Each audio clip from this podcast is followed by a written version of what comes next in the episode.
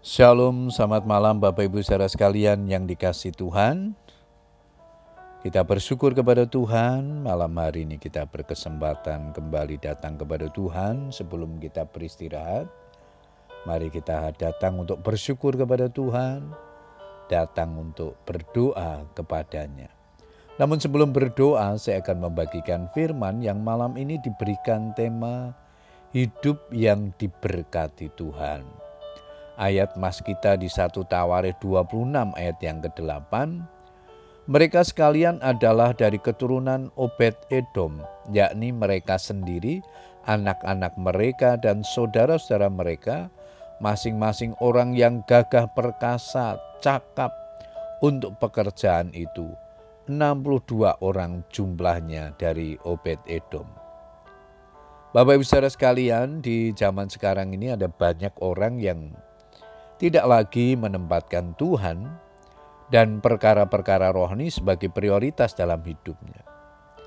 Hati dan pikiran mereka semata-mata tertuju kepada hal-hal duniawi.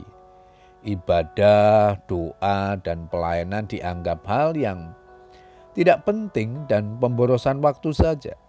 Pikirnya, banyak orang kok di luar sana yang tidak beribadah kepada Tuhan dan hidupnya baik-baik saja malah sepertinya lebih sukses dan lebih mujur. Namun Tuhan sangat memperhatikan hidup orang benar. Dan ia akan membuat perbedaan antara orang yang beribadah kepadanya dan yang tidak beribadah. Kita tidak perlu iri terhadap orang fasik sebab kebahagiaan mereka semu.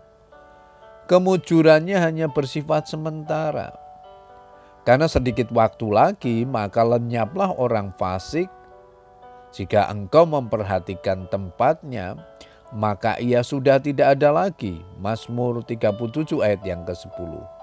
Oleh karena itu, jangan pernah berpikir bahwa ibadah, pelayanan, dan jerih lelah kita untuk Tuhan itu tidak berarti apa-apa. Sesungguhnya semua diperhitungkannya Obed Edom adalah salah satu contoh orang yang menikmati berkat Tuhan secara luar biasa karena ia sangat menghormati hadirat Tuhan. Padahal hanya tiga bulan saja tabut Allah itu berada di rumahnya. 2 Samuel 6, 11, 12. Keluarga ini pun menjadi perbincangan dan kesaksian yang baik bagi banyak orang. Bahkan beritanya sampai ke telinga Raja Daud. Alkitab mencatat bahwa Obed Edom yang sebelumnya tinggal di Kiryat Arim rela pergi ke Yerusalem untuk melayani sebagai penunggu kemah Tuhan di mana tabut Allah berada. Ini menunjukkan besar kerinduan Obed Edom untuk melayani Tuhan dan tinggal dalam hadirat Tuhan. Dalam persekutuan dengan Tuhan, jerih payahmu tidak sia-sia. 1 Korintus 15:58. Karena kesungguhannya melayani Tuhan, bukan hanya Obed Edom yang diberkati, tetapi sampai ke anak cucunya. Bahkan anak-anak Obed Edom disebut pahlawan-pahlawan yang gagah perkasa dan cakap dalam pekerjaan.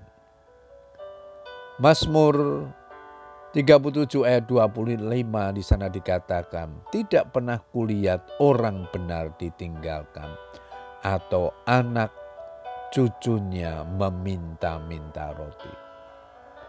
Bapak Ibu saudara sekalian, demikianlah janji Tuhan. Kalau kita hidup benar, setia dalam melayani Tuhan, Tuhan tidak akan pernah menutup mata. Dia akan memulihkan kehidupan kita, bahkan berkat-berkatnya menyertai kita dan anak cucu kita. Puji Tuhan, tetaplah semangat melayani Tuhan, tetaplah semangat berdoa kepada Tuhan. Tuhan Yesus memberkati kita semua. Amin.